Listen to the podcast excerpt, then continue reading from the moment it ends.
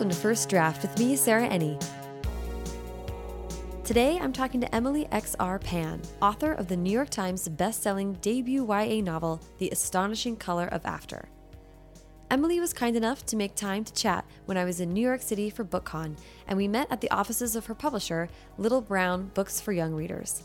They gave us a huge conference room right across the street from the Radio City marquee, so we were feeling very fancy and loved while we discussed Emily discovering a creative life after going to business school, her many years of writing and rewriting her book, and finding the bravery to put herself on the page. I hope you enjoy. Now, on with the show. How are you? I'm great. How are you? I'm doing so well. I'm so glad that we can make this work. Yeah, thank you so much for having me. Oh my gosh, this is the best. We are in like a very fancy office space right now yes. at your publisher looking at Radio City Music Hall. Yeah. Which is so cool. Fancy wall and I know. the Radio City Music Hall vertical light Yeah, thingy. I don't true. know what that's called. I yeah, the the marquee. Yes. Yeah, it's Yes. very fancy looking. So I like to go start way back at the beginning, which is Okay. where were you born and raised? Oh, I was born in Illinois. Okay. And then I moved all around. So we moved around in Illinois, and then we moved to South Carolina, and then we moved to Wisconsin, and then we moved to New Jersey, and we moved around in a couple of those places too. Uh, Wow. and then I moved to New York for college and stayed, and now I consider myself a New Yorker. Mm-hmm. What why all the moving?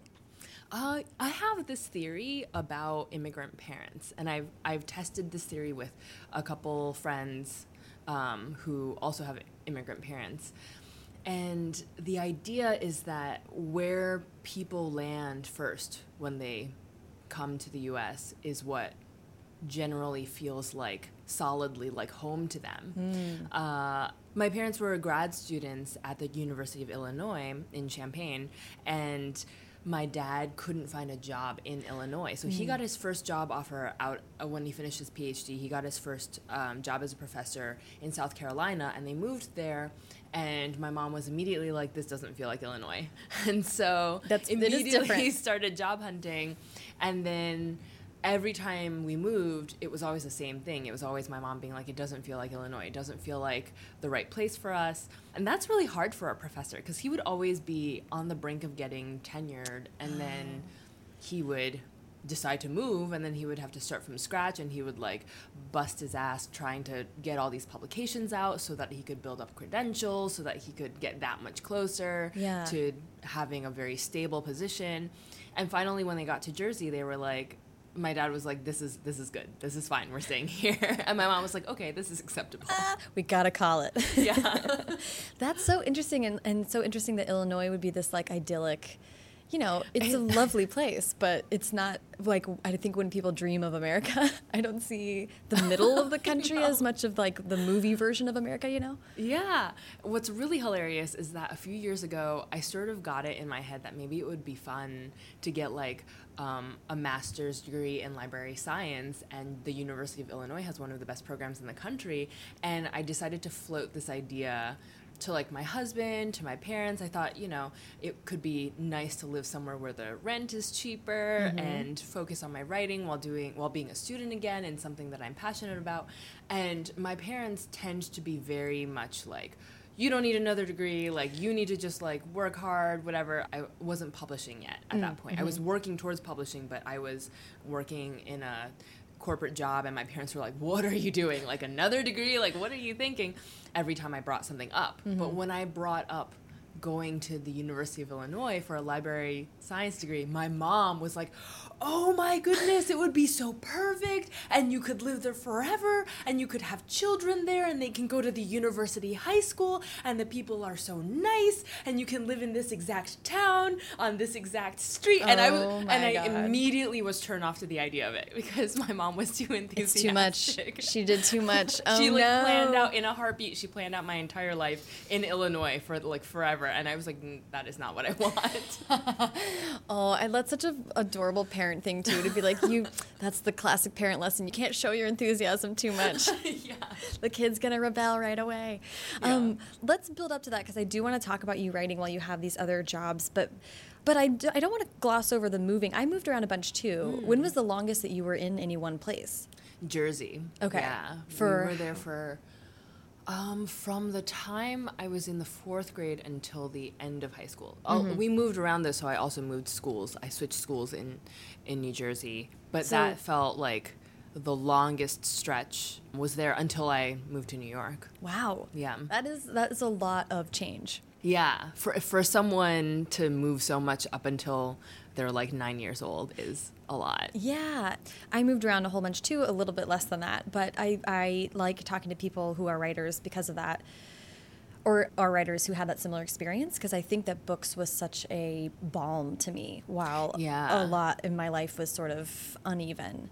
Yeah. Do you feel like that was true for you? I do. I was always a big reader. I was that person who got in trouble for reading too much. Like I got in trouble for reading when I wasn't supposed to be reading mm-hmm. constantly, or I got in trouble for reading too much of the assigned book for homework. I, my brain does this weird thing where I don't actually read by chapters. The end of a chapter feels so finite that sometimes it feels like I'm taking too much of a breath from the story and I prefer to be caught up in the middle of things. Interesting. And I've always been like that. And so teachers would be like, read chapters three to seven for homework. And because I don't read by chapter, I would easily lose track of chapters. And suddenly I would be at the end of the book and be like, whoops. and then like the next day I would be unable to like have an organic participation in class because I would know the ending that we were trying to like discuss the foreshadowing towards or whatever. So I constantly constantly got in trouble for reading. That's- more than I was supposed to. Isn't that funny to think about teacher being like upset about that? Yeah, teachers were really upset about it actually. I had to I started lying about how much I had read or Wow. like curbing my participation because of it because I couldn't stop. And my parents would always try to be like, "Do your reading homework last Hmm. because it's what you enjoy doing most and what you'll lose track of time doing." Right. Oh, that's smart. Time management tip 101. Um, that's so interesting. What kind of stuff were you reading? I was reading anything, literally anything I found, like to the point where I I found this like erotic sleeping beauty book. I think it was by Anne Rice. I can't remember. Amazing. When I was very young and definitely read it and definitely was like very confused but intrigued Yeah. about it. Yeah. But I literally was reading anything and my parents didn't monitor what I read Mm-hmm. very occasionally. So it felt like an intense treat. They would buy something from like a Scholastic's book club catalog for Mm-hmm. me, and I had to beg and beg and beg to get those. But otherwise, we mostly went to the library and we would either borrow books or buy the like 25 cent books. Yeah. And I had no idea how to find books that were in the vein that I liked. So when I loved a book, I stumbled upon it quite by accident. I didn't understand that you could go to a librarian and say, "I like this book. Where do I find more of it?" And I and I also I sort of didn't want to be told what to read. Oh, yeah. And so I'm still that way. when did writing become something that you were doing? I was always a writer. Okay. I consciously started telling people I was going to be an author when I was seven, but I was always, always a storyteller. Uh, my mom is a writer; she writes in Chinese, and my dad. He's like a, a pretty new writer. He actually published his first short piece a few years ago. But, he was writing all those been- academic papers. he was writing academic papers, but also he was an intense storyteller. Mm. Every night before bed, instead of reading a book to me, he would invent a story on the fly. Which, like, as an adult, I have so much respect for because his stories were always like very compelling. I was always mm. riveted, and they were always different. And then there reached a point when he started to be like, well, it's not fair that I keep telling you stories. You have to tell me a story now. And so, you know, it would be like we were sitting in a car waiting for my mom to run an errand, and he'd be like, so why don't you tell me a story? And so, so I cool. started doing the work of like figuring out who my characters would be and what kind of plot I would go for. And in the beginning, obviously, all my stories were the same. Right, right, right. Um, but then we reached the point where one specific bedtime story he kept telling me that he had made up was my favorite. And I kept asking for that particular story again and again and again. And he started embellishing. And then he started inviting me to embellish with him. So it became this really epic adventure that we would act out with my stuffed animals and my mom would always have to come and like shut it down and be like you're taking way too long like go to bed go to sleep this is getting out of hand That's amazing. and so I, anytime we had a school assignment where we had to like envision a story, it was always my favorite. I remember my very first short story that I wrote was about how the panda came to be black and white. Uh, and I wrote it for my second grade class. And it was that point when I like sort of started announcing to the world that I was going to be an author. That is so I've, cool. I've always, always wanted it. I've always like lusted for my own spot on a bookshelf in a store, in a library. That's amazing. Also, I forgot to ask what your dad is a professor of.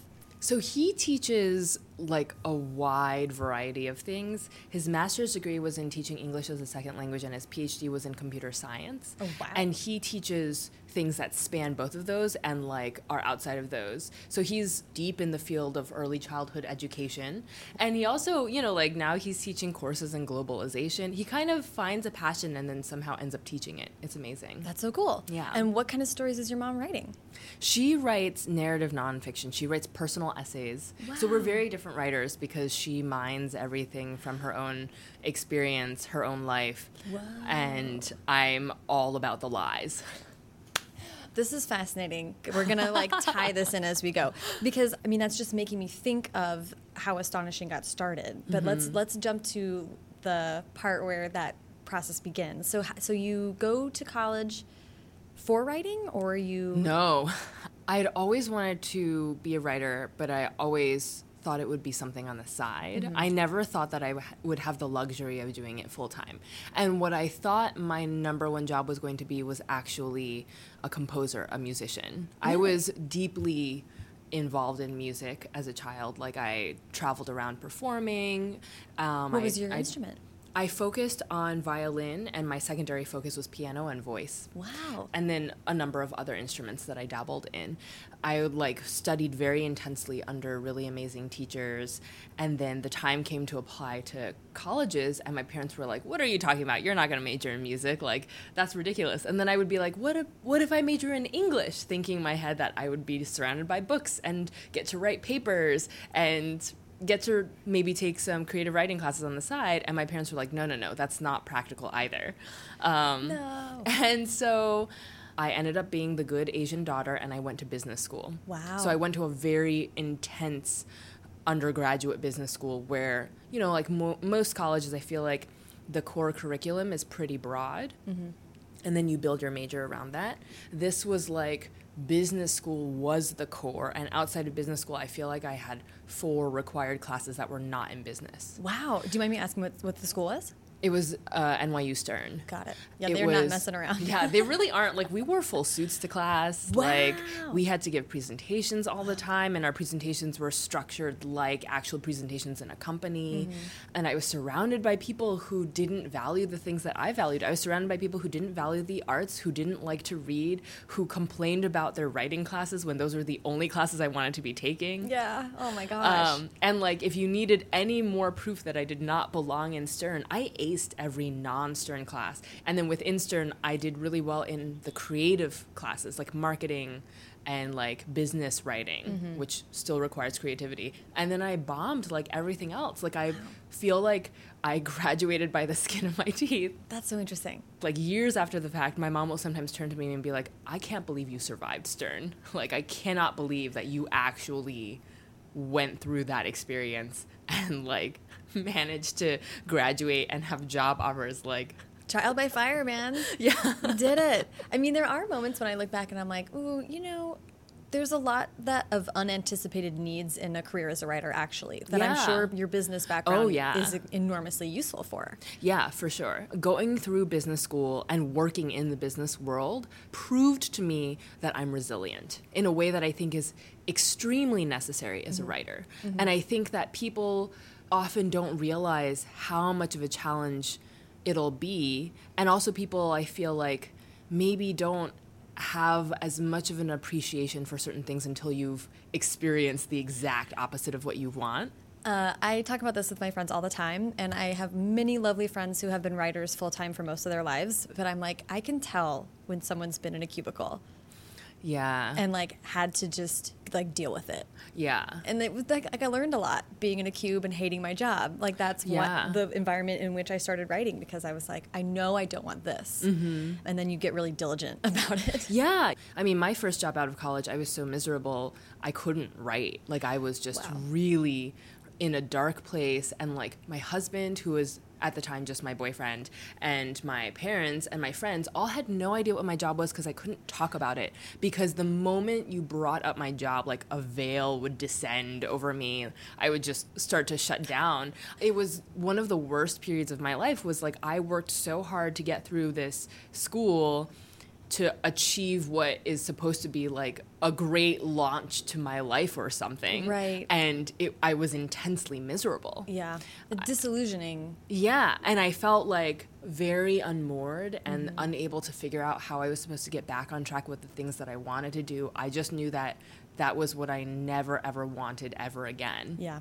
Yeah. Well, how, so, so lead me from there to, So I ended up quitting my job to do an MFA, and getting into MFA programs presented the perfect excuse because this was this was like in the time when the country was very much affected by the recession. Yeah. And I was so miserable that my extremely practical parents were like, "You need to quit your job." wow. they were like this is not good for your mental health Mm-hmm. and like you need to get out of there and i was like i would love some options but like quitting my job with nothing lined up is not one of them Right.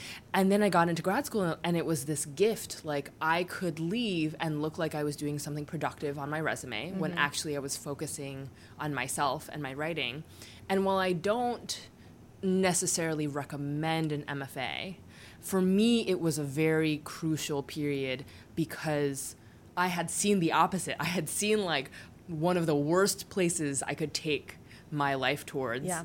And I knew that I wanted the opposite. And that gave me a drive that I sensed a lot of my peers in my MFA program were lacking. Like they mm-hmm. were indulging themselves with the MFA program. They were writing, they were waiting for inspiration to strike, they were having conversations with people and just feeling like they were, you know, like dreamy spirits in this mm-hmm. sphere of creativity. And I was like, I have two years until this program ends. I have two years to get my shit together and figure out how I'm going to make my dream a reality and mm-hmm. how I'm going to force myself to build the discipline that I need to mm-hmm. write book after book. That's amazing. And so in my MFA program, this was in 2010, I was in a novel writing workshop and I started the original version of The Astonishing Color of After.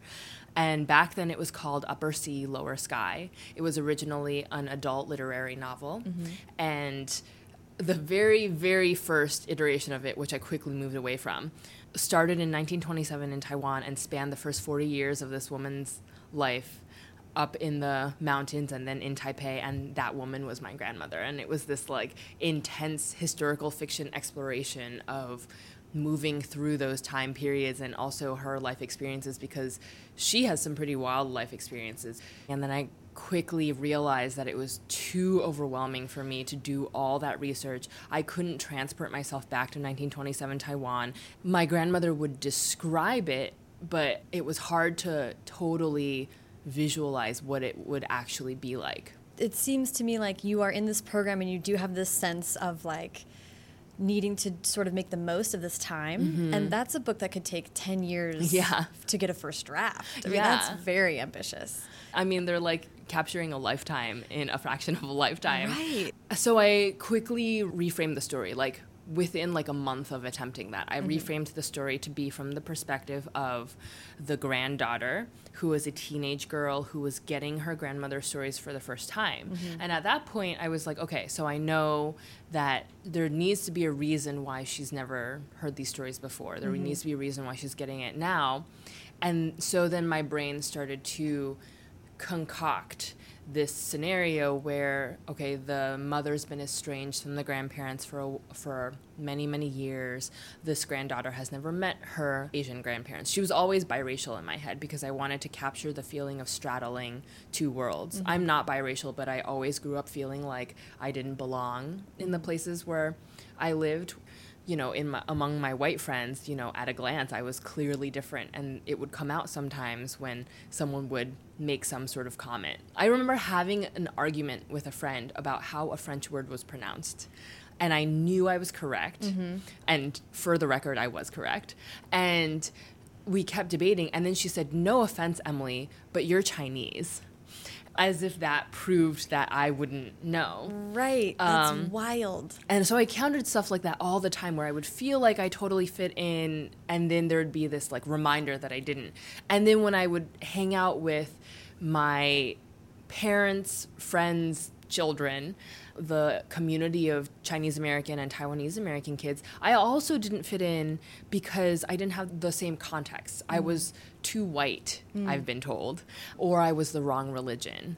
um, I, I was raised Buddhist, and many of these communities are like very heavily Christian. And so that was a lot of my experience where I just I couldn't fit in for one reason or another. Mm-hmm. And I wanted to capture that. So I always knew from the very start the character was going to be biracial. And so she is going to Taiwan to meet her grandparents for the first time and get these stories. And I worked at the story like that for a few years. Mm-hmm. I was in an MFA program where I felt pressured to be making highbrow art. Right. Grand fiction. I felt that pressure to make it something of higher value, hmm. whatever that might mean. And and so that was the way I was working at it for years. I had set it aside my second year of the MFA program to focus on a fantasy novel that I was writing, a young adult fantasy novel, which I had like a mixed reception hmm. Because it was young adult or Spe- it was specifically because it was young adult and fantasy. Wow. I ha- encountered some teachers who were supportive of it, and then I encountered other teachers who shat on it. Hmm. Not just like the work itself, but shat on the concept Right. of even writing that. Wow. Uh, and that's so recent too for that to be the case. Yeah. You know? Yeah. Like in 2012, it's it just feels so dated to be Yeah. discouraging, especially if that's what you organically felt like you wanted to write. Totally. After my MFA, I was teaching creative writing at NYU, and then following that, I was working at Penguin doing marketing. Mm-hmm. And I was continuing to edit that other fantasy novel, and I was querying agents with it, and I got a lot of full manuscript requests, and then I got a lot of rejections. Mm-hmm. And I fell into this like intense period of like just feeling like am i ever is it ever going to happen for me mm-hmm. and feeling very worthless mm-hmm. to not sugarcoat it. Yeah. and then i set that down and started working on a different novel. And i wrote this other fantasy novel. I wrote like 12 drafts of this other fantasy novel. And then i realized it was changing but not improving mm. And so this was the second fantasy novel. yes this was the second fantasy 12 novel drafts? yes My goodness. i'm a multi-drafter Well, that that is part of what I want to talk to. But yeah, let's get to astonishing, and then I then I want Yeah, to ask sorry, about this process. is very long. No, I'm. I'm intrigued. I'm very interested in this. And so, in between some of the drafts of the other book, because I recognized that I needed to give my brain a chance to switch things up, I would start toying with upper sea, lower sky again. I had one teacher in college, this in uh, my MFA, one teacher, Chuck Wachtel, who is a phenomenal, nurturing teacher who like saw something in upper sea lower sky that i could not see at the time. And every time he saw me he would ask about it to the point where i started avoiding him and where i felt intense guilt even thinking about him because i knew it would disappoint him that i had shelved this project. And i started to think maybe there was something I could do with the project if I approached it differently. And so, in between revision drafts, I started experimenting with writing the book as young adult, writing the book with a slightly magical bent, writing the book as middle grade, writing the book as, as adult again. Interesting. Um, and at a certain point, I realized I could maybe bring in this other piece to make the story more interesting to me. Mm-hmm. And that piece was the bird. Mm. I always talk about my writing, though my brainstorming process, as there being an ocean in my brain and there are pieces of wreckage drifting all around. And this is literally how it feels in my brain. Like, I'm not just saying this to say pretty words. I feel like I'm sort of swimming, I'm out at sea, and there are just pieces, fractions of things floating around me. And sometimes they'll float out of my sight, and sometimes they'll float back into my peripheral vision. and sometimes I'll realize that different pieces can come together and form a new whole. Mm-hmm. And so there was this one piece where I had always wanted to write a story about a person who turned into a bird, and I didn't know what the circumstances were, mm-hmm. or whether it was real, or whether it was made up, or whether it was a lie someone told, or a fairy tale component in a book. I didn't know what. And I sort of saw it in my peripheral vision, and I was like, I want to pull that piece into the book. So I had that idea set and I was still toying with the drafts. And then in 2014, I lost my aunt to suicide. And that was the same year that I got married. And so it was like all these really conflicting emotions where I was really happy, but I was also like really sad a lot mm-hmm. of the year. And I was like trying to process all these feelings. And then January 2nd, 2015, I sat down with a blank page. I had told myself I was going to rewrite Upper Sea, Lower Sky from scratch. It was not my first time rewriting it from scratch. I'd done it many different ways, but I was like, I'm going to try a new version. And these new words poured out. Um, the opening pages poured out. And I don't want to, I always want to make sure not to romanticize how a first draft works. Right. But I was like in a fugue state mm. while I was writing those words, and they just came out of me. And then those are the opening pages of the book. They're largely unchanged. And that's bananas because of how much revision I've done right. on the book since we sold it and on the book like leading up to that. Yeah. So it's it's wild to me that I was just in this specific headspace where I got the right words down. I've realized that that's actually really a crucial part of writing for me is to pin down the right opening because for me it's like not to get too punny because I know there there's a lot of art and color stuff in the book, but it feels like mixing colors and finding the correct color palette mm-hmm. to set up the rest of the book. Like I have to get the beginning pinned down, and mm-hmm. that's my compass. Yeah. So before we get too much further in talking about the details of the book, mm-hmm. um, just let's get the pitch for Astonishing Color of After, and then I yeah. then get more detail. Yeah. So that makes sense. The Astonishing Color of After is about this biracial girl, Leigh Chen Sanders She's 15 years old. She's about to turn 16. And she believes that when her mother died by suicide, her mother turned into this bird, this giant red bird. And Leigh goes to Taiwan to try to find the bird. And there in Taiwan, she connects with her grandparents for the first time, her Taiwanese and Chinese grandparents. Uh, and she unlocks these family secrets via magical means and starts to understand this part of her and her family that had always been hidden. Her mother had tried so hard to bury all these secrets. And at the same time, Leigh has to reconcile the fact that in the moment that her mother was dying, she was kissing her best friend and longtime crush, Axel. That was the first time that had ever happened. It was this intense moment. It was something she'd longed for. So, this really terrible thing and this really great thing happen at the same time and complicate everything mm-hmm. as life likes to do. Right. And so the book is about the process of understanding your own identity, understanding your family, understanding that your parents are humans beyond right. your caretakers right, and they right, have lives of their own and they have demons of their own. And it's also a book about mental illness and trying to destigmatize that and trying to understand that depression mm-hmm. is an illness that needs to be treated as an illness mm-hmm. and it's something that we need to talk about. Yeah. I want to do a little bit more on the process and yeah. then I have questions about the themes and, and other things from Astonishing. But what you're describing is such an organic process. Mm-hmm. And like, I am someone who tries not to romanticize my creative process mm-hmm. because it's work and I want to approach it as something that's not uh, the muse that comes and goes yeah. as she w- wants. I feel like I see writing as my job, and I mm-hmm. want to take it seriously in that way. At the same time, I've come to realize that it doesn't always work that way, yeah. and that I do have to respect this sort of ephemeral whatever it is that uh, can sometimes show up and mean that you write the first chapter and it stays for years, you mm-hmm. know. So I just wonder how you were thinking about that while you were frustrated that this wasn't happening, but still giving yourself the space to write it over again and again. I very much treat writing like any other practice. You know, I also have an intense yoga practice that I feel like has really informed the way I treat writing, mm-hmm. where day by day, working at it, you can tell your muscles are getting stronger. You can tell that you're developing stamina and flexibility and a new mental resilience. Mm-hmm. And I think writing is very much the same way. I think that just because you write every day doesn't mean that you're achieving some great art and that you're that that defines you as a writer, but I don't mean to say that people who don't write every day are not writers. Like there are plenty of authors who publish book after book that way.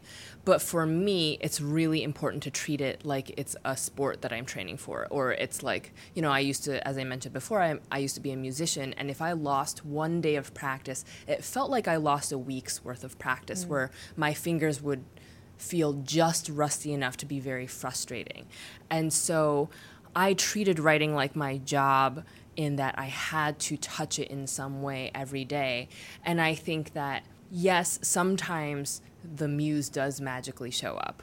And we can't be so indulgent as to wait for those moments, but I think we can cultivate being more receptive to when it does show up because by touching the work in some way every day, thinking about it even for just 15 minutes, mm-hmm. or trying to write even 200 words, mm-hmm. and just being in contact with the story and the characters allows for more doors to open, mm-hmm. allows for that inspiration to come more frequently, and for me to be able to identify more clearly when that inspiration has arrived. Yeah. And I, so I feel very strongly that the discipline and the inspiration go hand in hand. And that's, I think, such a great way to think about it, especially in the context of like yoga or a practice like that, where there's also a lot of like patience involved and Yes. like an understanding of limits and an acceptance of limits. And it's sort of- Totally. it's a kinder way to think about like what is a pretty rigorous process. Yeah. It's like teaching yourself to see that the reward takes longer to arrive at. It's Yeah. teaching yourself patience above all. Yeah, because I was going to say, I mean, obviously now it's easy to look back and think like it was all worth it. Like you know, I mean, the Yeah. book is is a beautiful book and it's gotten such a great reception. Oh, thank Um, you. but in the moment, man, that's those are Yeah, it's really hard. trenches. Yeah, and there are definitely days when it feels so impossible. It's kind of like the moment you're not sick, you forget how miserable you are when you're sick. Yes. it's like the days when writing feels good. It feels like what's wrong with me? Like, of course, writing feels good. Like it, it's always like this, and the truth is that it's not, and that I have to earn those days, and I have to stick through the bad days to get those days. Yeah. Oh my gosh, it's so wild. I'm just so fascinated by all the ways that this story is shaped by your family. Mm-hmm. You know, even from its origin and the many, many, many different versions of it, it's still sort of that's like the core of it. Mm-hmm. And I'd love, I'd like to ask this as a way of also wrapping in the research you did in Mm-hmm. talking to your family. I'm so fascinated by that. The kinds of conversations you have when you are doing that kind of research are so different from casual family conversations. Yeah. What was that process like? I interviewed my grandmother. I talked a lot with my parents. And I made a trip to Taiwan where I made uh, resources out of my aunts and uncles. And I asked them tons of questions. One of my uncles uh, is an architect. And so he has a deep understanding of the architecture. And I didn't talk so much about the architecture, but it definitely fed into how I thought about the settings in my book, which I thought was actually really important. I think mm-hmm. that those those types of little details in your thinking influence the book in very subtle ways that I think help make it real. This has come in a, a couple times in recent conversations that, and like I have a journalism background, so I'm like all I'm here for all of this. But I'm like any amount of research you do, Yeah. it will fundamentally make everything better. It just Oh, pays off exponentially. even if it doesn't show up on the page, like even though it's just done in like brain work some of the time. It just creates a density of reality. Especially when Mm-hmm. You when you're writing contemporary stories, you need to pick up on whatever you can that is a world building element. Yeah. I mean? Yeah. And one of my other uncles uh, is an extremely devout Buddhist. And he took me from temple to temple and would talk to me about the history of the temple, would connect me with monks and nuns, and took me to watch religious practices and ceremonies and would talk through everything that was happening. That's so amazing. Uh, would show me like scripts that they were chanting and explain it all to me.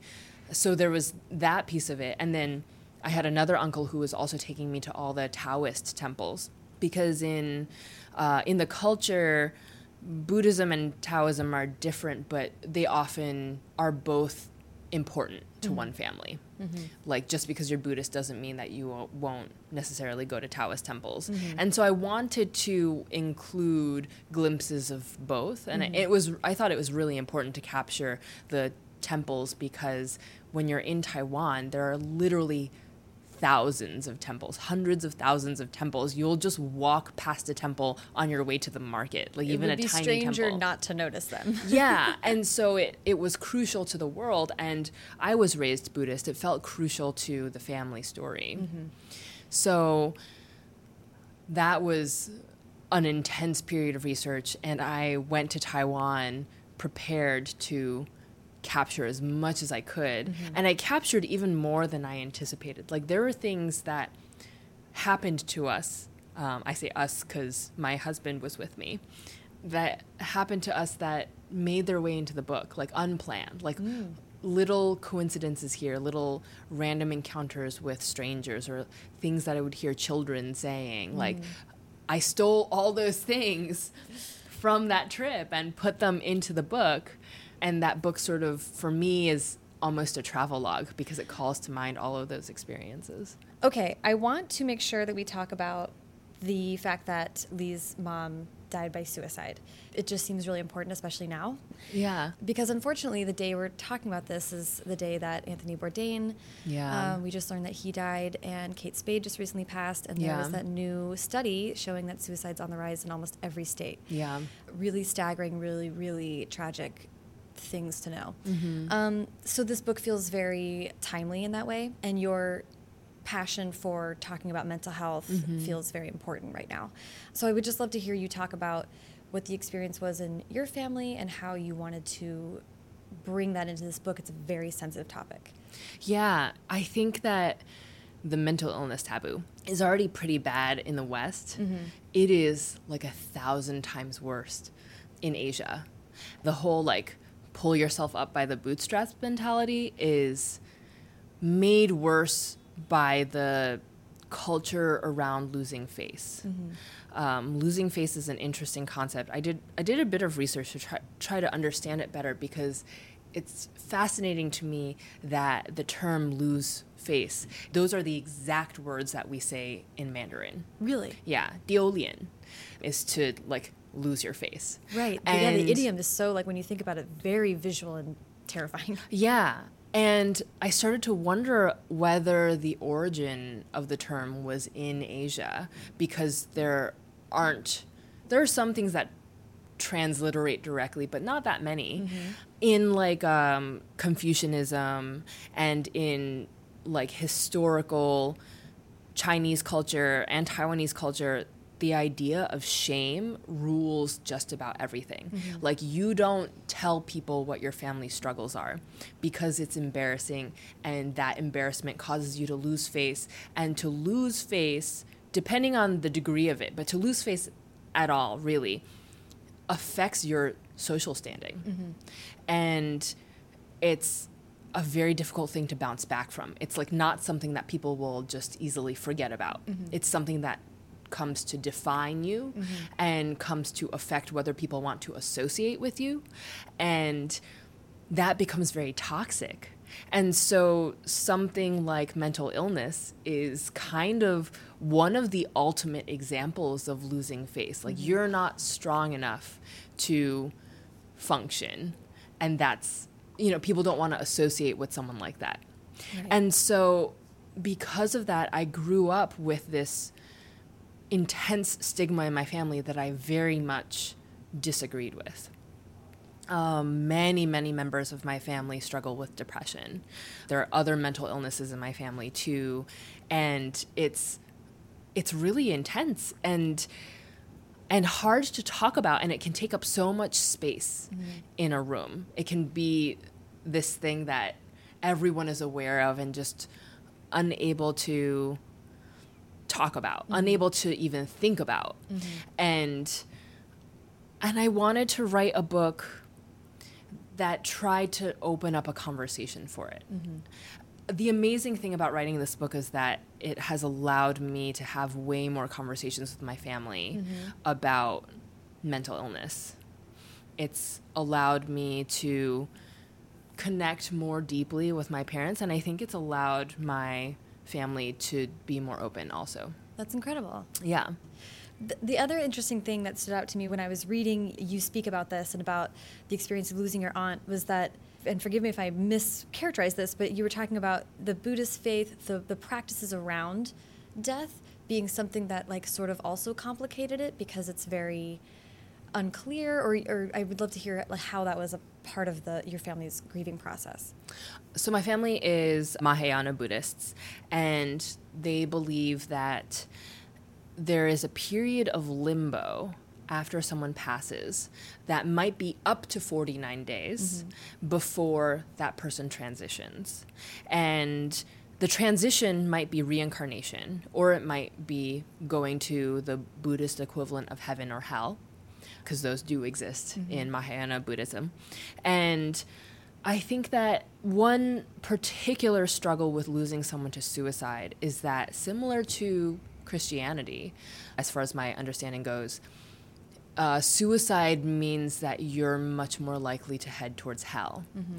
And so that was really difficult for my family. So my my family was going to temple to pray like daily and they were paying monks to help mm. pray for 49 days wow. because they didn't know at what point the transition might happen so they want to so to be safe mm-hmm. it needed to last for 49 days and that is it's interesting. I have I sort of have conflicted feelings about it because that's a long period of time to be stressed about what the transition is, but at the same time because it's so finite, maybe people are more able to let go once those 49 days are passed. Right. Well, it was it was so intriguing to hear you talk about it because there was also I, the the element that stood out so much to me was you talked about not wanting to cry too loudly. Yeah, you're not supposed to grieve noisily because before that transition happens, the person who's passed, it's it's believed that their spirit might still be lingering, might mm-hmm. be hovering around you. And if you are like loudly weeping, they might notice it and mm-hmm. they might find it that much harder to leave you. They might want to stay and comfort you. They might get distracted from figuring out what their path should be, and that's not good for them. And so it is it is very heavily discouraged for you to cry and weep and that's not the healthiest either because right. the more you try to hold it in the more terrible it feels and yeah. the the more of an outburst you end up having when you do allow yourself to cry yeah, it is just, I mean, complicated as all rituals surrounding death are. Yeah. But but that seems so striking to me of yeah 49 days of just not being sure and like hoping and yeah. having that be an active thing that you're thinking about this person you love still being engaged in this decision making process or fateful process yeah it's that was something i, I hadn't heard that before and it mm -hmm. really just like stood out to me yeah it's beautiful in a way but i, I was just thinking like that would be hard. Yeah, it feels really intense. Yeah. I mean, sitting Shiva also seems hard. You know, I'm Catholic, so we're just like really extreme in other ways, but but you know, it was beautiful and the fact that you had your aunt's death and your wedding in the same year mm -hmm. seems like the book somewhat reflects a little bit of that too, like yeah, the highs and funny. lows being sort of back to back. Yeah, it, I there are so many parallels that I never noticed that clearly it was my subconscious at work. Right. I mean, it's such a beautiful thing. I love when books sort of tell us about ourselves. Yeah. And they can do that, and we just have no idea, even while we're writing them, how clear it is right. to the outside world often. but it's wonderful when you have a finished product like that and you can say like, you know, do you feel like the book helped you process? It was definitely a really necessary part of grieving for me. Mm-hmm. It was very cathartic, but it was also really intense. I mean, I cried on every pass through the book. Wow. Sometimes when you write about things, you are so present when you're right. I'm just speaking from my perspective. But I, I would write about things that I was pulling from such a personal experience. And then later revising it, you're sort of seeing your past self and like being sad for that person. Yeah. It Became this like memento, like Yeah. it's a very strange experience to sort of live with your past selves in the way that we do. Totally. I also I'm always interested to note when I feel okay to cry about something. Mm-hmm. You know how I feel like it's psychologists who talk about the reason why people cry at specific times in stories. I was thinking mm. specifically about watching the movie Coco. Have you seen that movie? I haven't seen it yet. I know I have to. So I watched the whole movie and I was like riveted the whole time. And I didn't shed a single tear until the credits started rolling. And then I started bawling uncontrollably and I was just like rocking back and forth. And my, my husband was very taken aback because he was like, it's over. like, like the story, This wasn't the the story's ended. Yeah. And I was thinking of how I think like psychologists say that you cry when it feels safe to cry. Mm. And while the story was happening, while like we were in the most the tensest parts of it, I had to just like hold onto my feelings very, very tightly until I knew how everything resolved. And then I could like let loose. And I feel like going through edits was some of that for me. I don't think I cried that much while I was drafting, hmm. but I cried on every editing round. And I think it was me being in a safer place and able to experience the grief I wasn't allowing myself to experience. And there's something about then that way of thinking about crying that is like a release, right? Yes. And release. I mean, like that part of the struggle, and this is I'm like in the thick of this right now, is that like when your book comes out, when your first book comes out, it's the first time that you're having that moment of like, it's not mine anymore. Yeah. This deeply, deeply personal thing is now going to be. Yeah, I have to separate the myself from it. Yeah, Yeah. which is uh, easier said than done. You It's know, wild. I'm not ready. Um, It'll be good. I hope so. Okay. You've been so kind to talk about all these things. I have like a million more questions, but um, but we'll get to it on the next on the next podcast. For now, though, I want to um, ask you about the next project, and then also we wrap up with advice, writing advice that you have Oh. for people. So, but first, whatever you can tell me about what's coming up next, I would love to hear. I am working on another young adult novel. It is Romeo and Juliet meets Chinese mythology, and the main characters are Asian American. Cool. And the way I'm writing it currently, it's set in the 90s, which someone was like, that's historical fiction now. And I was like, oh my God, It's true. uh, that's terrifying. It's very Um, terrifying. and I'm not sure. I'm not sure how much of that is going to keep. Like, Mm-hmm. I might end up taking out the time period references so that it feels more timeless. I haven't quite decided yet, but that's the the brain space in which I'm writing it, and I'm I'm very excited about it. That's it so also deals with Taiwanese American and Chinese American identity, and it's really fun. I'm Yay. I'm really excited for it. So it's a contemporary story.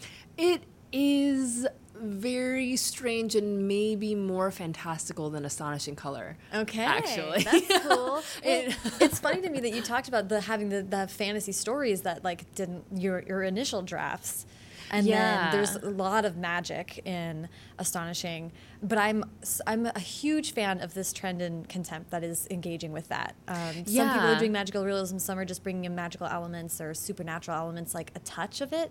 Yeah. I love that stuff. If that's my favorite type of thing. I'm really drawn to weird stories. Mm-hmm. Um, like I'm really drawn to like the strangeness of Haruki Murakami stories, Mm-hmm. and I'm also just really drawn to worlds where it's w- the world that we know, but something something is very much off. Like Mm-hmm. Noggin by John Corey Whaley. I'm thinking of that type of experience in a book is my goal that Yeah. I, I write towards, where you are grounded in our real emotions and experiences, but there's just something off, something strange. Something wild. Yeah. Something unusual. Yeah. Yeah. It's, it's so fun. Well, that sounds amazing. I'm very excited about that. Oh, thank you. Okay. I'm going to ask you one last thing. I'm going to put it in because I really Okay. want to talk about Foreshadow YA. Oh yeah. Um, I, I really don't want to skip that. Why don't you tell me what Foreshadow YA is and uh, tell me how it came about? Foreshadow is a serial YA anthology. It's a new platform, a new format that we're publishing in. It's not a magazine because it has an end date. Like it it is only going to run until the end of 2019.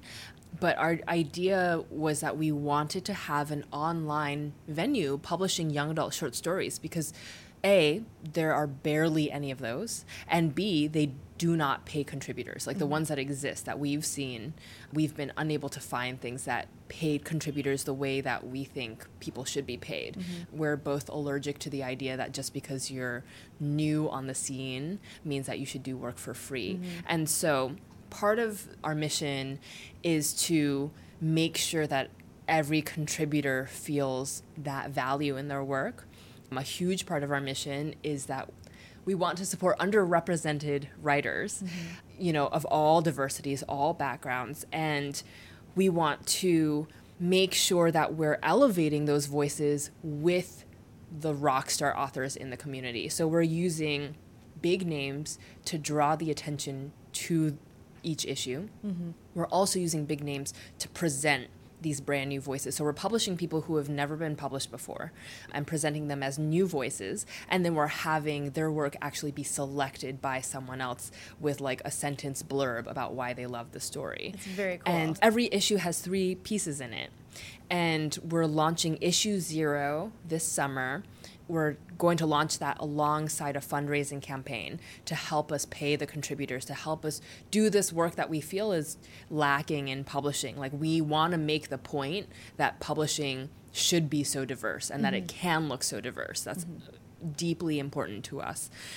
And so we need money for it. We need people to show up and, and help us make this a real thing. And i'm so excited to share issue zero the stories are so great and we already have such good stories rolling in that we know we want to feature. There are amazing writers who are already on board who are going to support us and we've got this brilliant team of volunteer staff who it's magical. Like they just work together so well and they're making this amazing dream a reality and i think it's just a phenomenal experience Why is short story the right medium to show new voices, do you think? well i think first of all it's it's nice to get um, a piece of work that's self-contained that you can mm-hmm. just read and then be done with and then mull it over and not have to commit to something. Mm-hmm. But also i think that short stories are very underrated and overlooked. And especially short stories online because I think that's one of the perfect ways to read and find short fiction. Mm-hmm.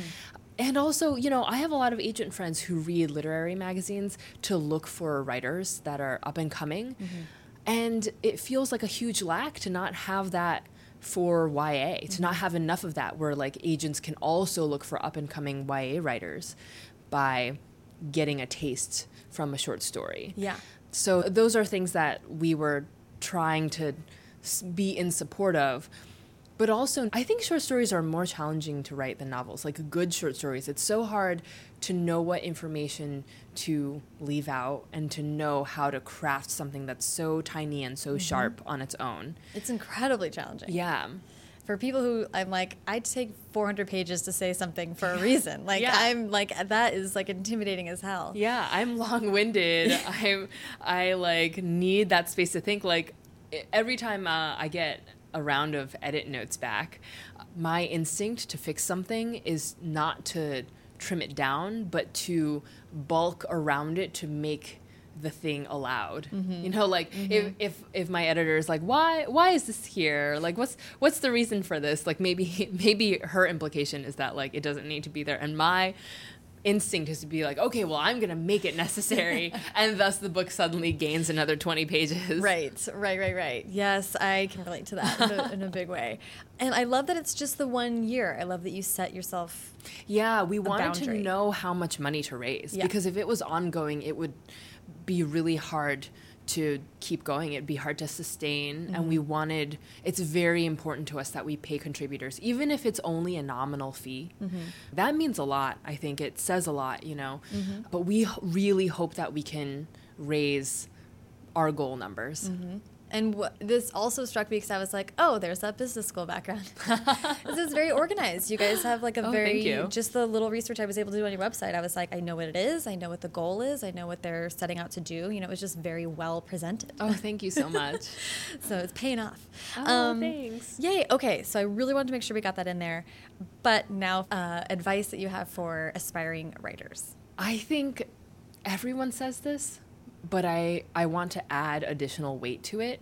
I think you have to read constantly, and I think you have to read widely. Mm-hmm. I think that it's a mistake if you're a science fiction writer to only read science fiction, and I think it's a mistake if you're a literary writer to only read literary work.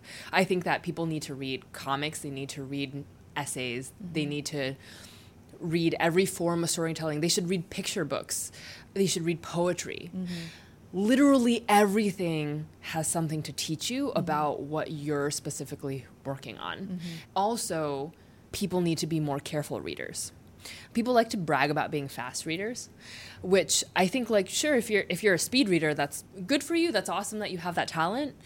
I think that it is impossible to really reverse engineer a book without reading it carefully and multiple times. Like the first, your first time through a book is like you seeing the landscape. Your second time through the book is you starting to notice, oh, they dropped this here and it's paid out 100 pages later. Mm-hmm. Or like they're setting up this conflict here your third time through the book is you seeing the seams mm-hmm. of how everything is glued together and your fourth time through a book is you understanding or starting to pin down even why a scene resonates so much why does this scene make me feel so emotional why does this feel, scene make me feel, feel so happy why do i care so much about the characters relationships in this particular paragraph mm-hmm. i really feel strongly that people should be rereading and mm-hmm. people should be slowing down how they read. Yeah, I think that's so important. That's a really good point. And it's Yeah. not that's not something that there's like the Goodreads challenge, right? Like 100 books in a year and it's Yeah. like but then are you just doing it to have a number or are you really like slowing down and enjoying and learning from that reading experience? Yeah, I think that when you read so fast, it's guaranteed that you're going to miss things. Mm-hmm.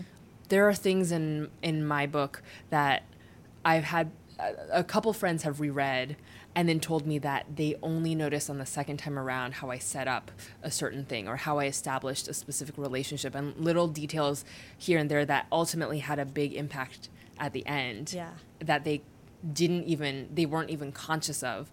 And that's just like the second read you know? Like I, I think that every book has secrets you can unlock. I think that this is also why i don't think that everyone who wants to be a writer and needs to do an mfa program i think that like reading is your own mfa program if you can train yourself to read smartly i also think that going along with reading it's really important to stop and figure out exactly why you have issues with a book or a character. Like it's not enough to be like I didn't like that or it wasn't my cup of tea or like I thought the character was too whiny, right? Like it's important to pin down what made that character whiny. What's the emotional logic that you disagree with? Mm-hmm. What are the setups that would have changed that? How would you dissect it and alter it if you were the writer? And those are the things that allow you to figure out how you're going to improve your own writing. Yeah. I could not agree more. A lot of those unlikable characters are like, well, actually, she's at the beginning of an arc. so I've, yeah. Well, that's such a good advice. Emily, this has been such a lovely conversation. Thank you so much for taking the time to chat with me. Thank you for having me. Thank you so much to Emily. Follow her on Twitter and Instagram at EXRPan, and follow me in both places at Sarah Enni and the show at First Draft Pod. For links to everything Emily and I talked about today, check out firstdraftpod.com. There, you can also find a link to a Google Doc that is a searchable archive of all the previous 145 plus episodes of this show. So many hours of listening pleasure await you. Tons of great authors, amazing interviews. Uh, definitely check it out and, and get started if you haven't caught up on the backlog yet. If you like what you heard today, please subscribe to the podcast on Apple Podcasts or wherever you listen to podcasts and leave a rating or review on iTunes. Haley Hirschman produced this episode. The theme music is by Hash Brown and the logo was designed by Colin Keith. Thanks to super intern Carter Elwood and transcriptionist at large Julie Anderson. And as ever, thanks to you, brilliant golds and greens, for listening.